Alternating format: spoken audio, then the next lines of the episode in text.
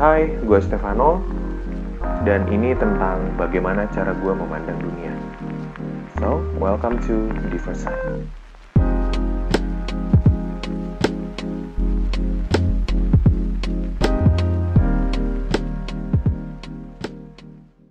Hey, halo semuanya.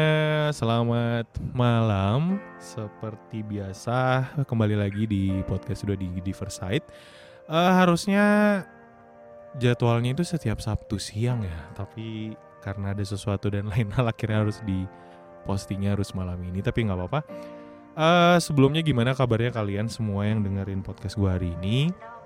Uh, hari ini semoga hari kalian menyenangkan di weekend hari ini, hari Sabtu uh, untuk kalian yang tadi juga bekerja atau beraktivitas di luar rumah semoga tetap menyenangkan dan tetap jaga kebersihan kalian tetap jaga kesehatan kalian juga dan untuk yang masih work from home atau stay at home ini udah bulan keempat ya sejak Maret ada Maret April Mei oh udah tiga bulan mau masuk ke awal Juni dan semoga kalian gak bosan Semoga kalian bisa mengisi hari-hari kalian dengan hal-hal yang positif, hal-hal yang bermanfaat.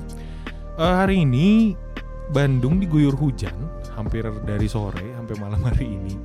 Jadi agak-agak gimana gitu cuacanya malam ini. Anyway, uh, untuk hari ini gue akan ngebahas uh, new normal dan kalau kita lihat di berita-berita memang pemerintah juga akan memulai aktivitas new normal mulai di awal Juni nanti.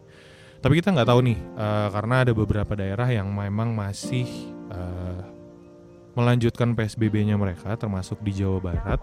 Jawa Barat sendiri, kalau yang gue tahu juga memang nggak semuanya ya harus menjalankan new normal karena di Bandung sendiri ternyata PSBB masih berlanjut ya kita nggak tahu.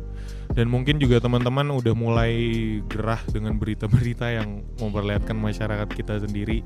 Walaupun sudah dilakukan PSBB tapi masih banyak yang keluar masih banyak yang beraktivitas tanpa masker tanpa uh, alat-alat uh, yang untuk melindungi mereka ya untuk kita yang tetap work from home yang tetap taat untuk stay at home teruskanlah. Dan tetap taati peraturan-peraturan dari pemerintah. Dan anyway untuk new normal sebelumnya pasti kalian juga agak bingung new normal itu apa sih? Kalau new normal kan kita biasanya kegiatan-kegiatan aktivitas kita seperti biasa kan kita udah tahu kita udah menjalani.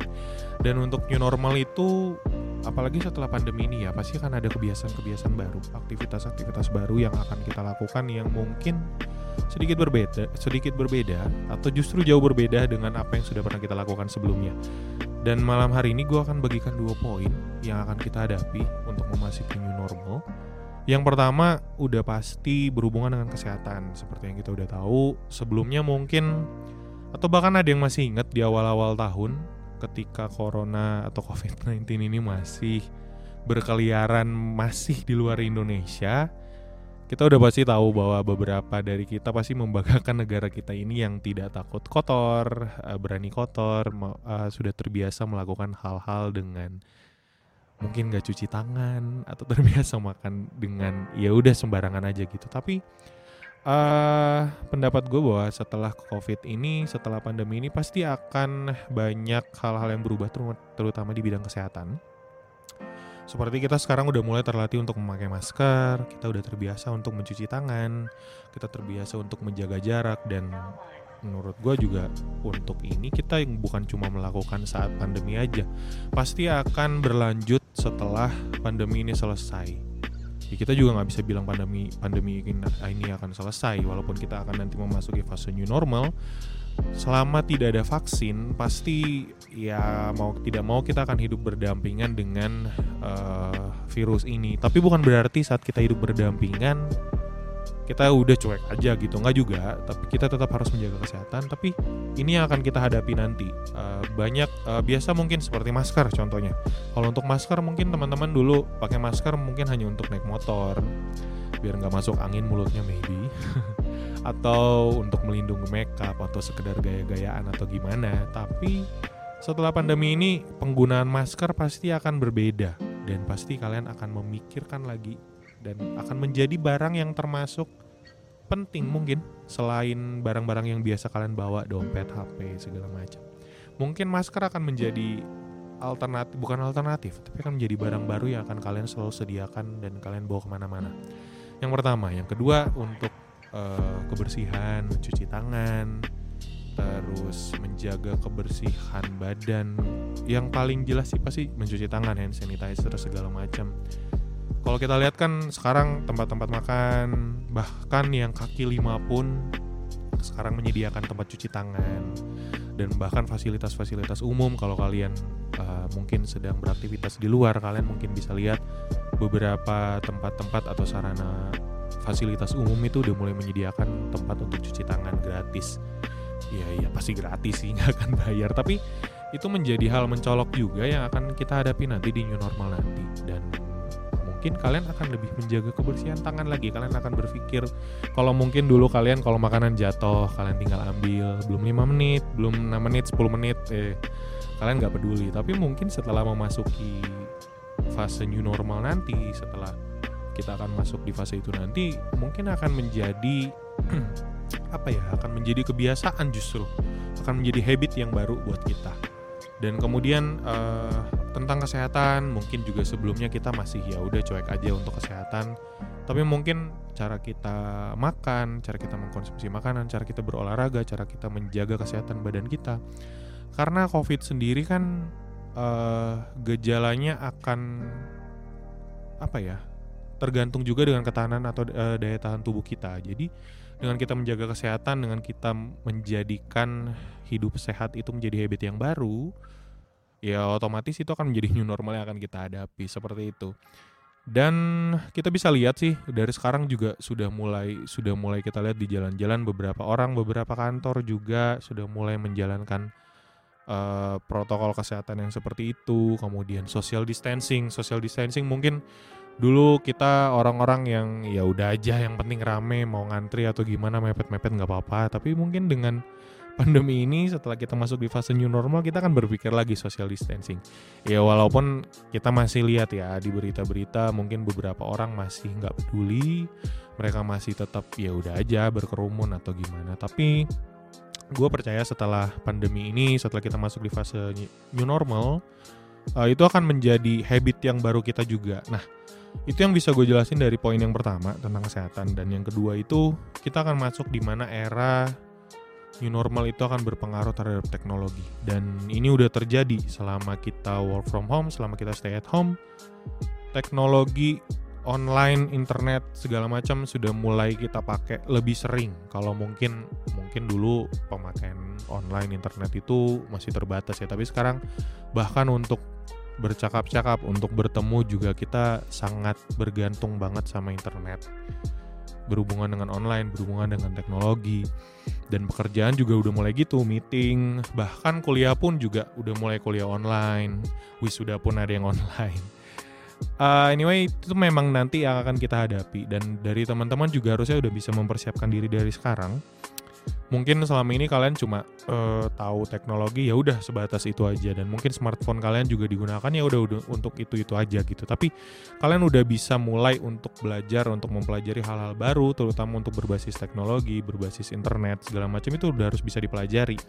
Karena kalau kalian baca-baca gue juga baca-baca gue juga lihat berita atau riset segala macam memang kita akan masuk ke dalam fase itu lebih cepat karena pandemi ini. Karena seperti yang kita lihat segala sesuatu aja sekarang kita lakukannya online. Bahkan bisnis pun online akhirnya naik di pandemi seperti sekarang ini. Dan bukan nggak mungkin itu yang akan kita hadapi setelah pandemi ini setelah kita masuk ke dalam fase new normal nanti.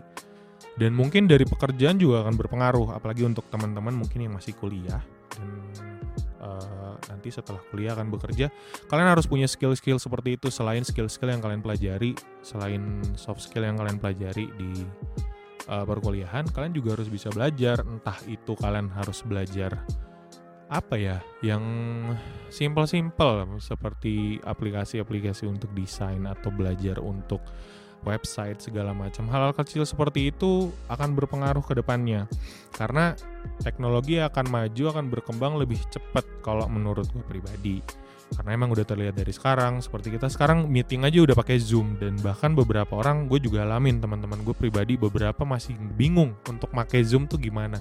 Nah hal-hal kecil seperti itu kalian semua teman-teman udah harus bisa pikirin. Itu hal kecil yang menurut kalian mungkin beberapa eh, untuk saat-saat sekarang ini nggak penting tapi kalian udah bisa pikirin itu karena pekerjaan-pekerjaan juga nanti penerimaan terus interview pasti akan lebih lebih mengandalkan hal-hal seperti itu. Kemudian bisa jadi pola pekerjaan kita juga akan berubah. Mungkin kalau dulu kan kita akan terbiasa kalau dulu kan kita terbiasa bekerja di kantor, kita duduk segala macam.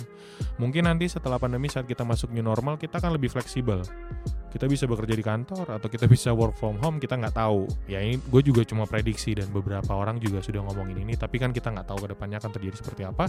Tapi akan lebih baik kalau kita siap-siap dari sekarang. Kita udah belajar kita udah tahu. Jadi saat kita akan menghadapi new normal nanti kita nggak kaget kita nggak bingung kita nggak gaptek gitu tapi kalau teman-teman pikir mungkin ya gue kan masuknya dalam ekonomi yang rendah ekonomi yang di bawah. Mungkin teman-teman yang ekonominya menengah ke atas mungkin bisa untuk belajar teknologi, punya biaya untuk belajar, punya biaya untuk punya fasilitasnya untuk uh, teknologi internet segala macam. Tapi gimana dengan ekonomi yang di bawah? Gue nggak berani ngomong atau berani ngasih pernyataan yang gimana-gimana karena gue nggak ahli juga yang kayak gitu-gitu. Tapi menurut gue gini, uh, pasti akan berdampak ke semua orang untuk online, internet dan teknologi seperti ini. Tapi kalau gue pribadi mikirnya untuk yang ekonomi di bawah, mungkin mereka tidak bisa punya fasilitas. Mereka mungkin belum punya cukup biaya untuk punya fasilitas untuk itu, tapi kita yang men, yang dari ekonomi menengah ke atas mungkin bisa membantu. Entah kita memberikan kursus, entah kita memfasilitasi mereka.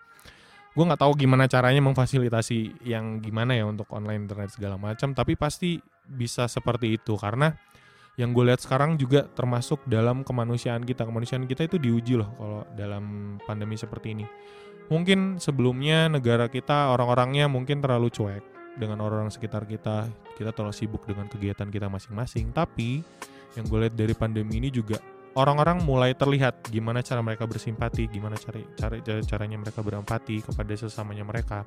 Dan kita juga bisa lihat kan beberapa orang yang statusnya menengah ke atas membantu yang ekonominya di bawah atau membantu yang eh, orang-orang yang ekonomi selama ini menengah tapi karena efek dari pandemi ini mereka akhirnya miskin atau akhirnya berada di ekonomi yang di bawah.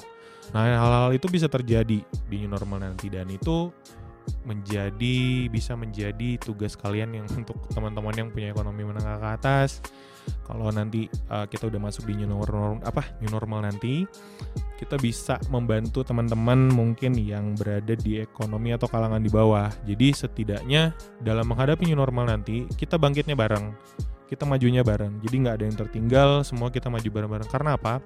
Kalau kita masih mementingkan diri sendiri saat masuk new normal nanti ya kita akan gini-gini aja.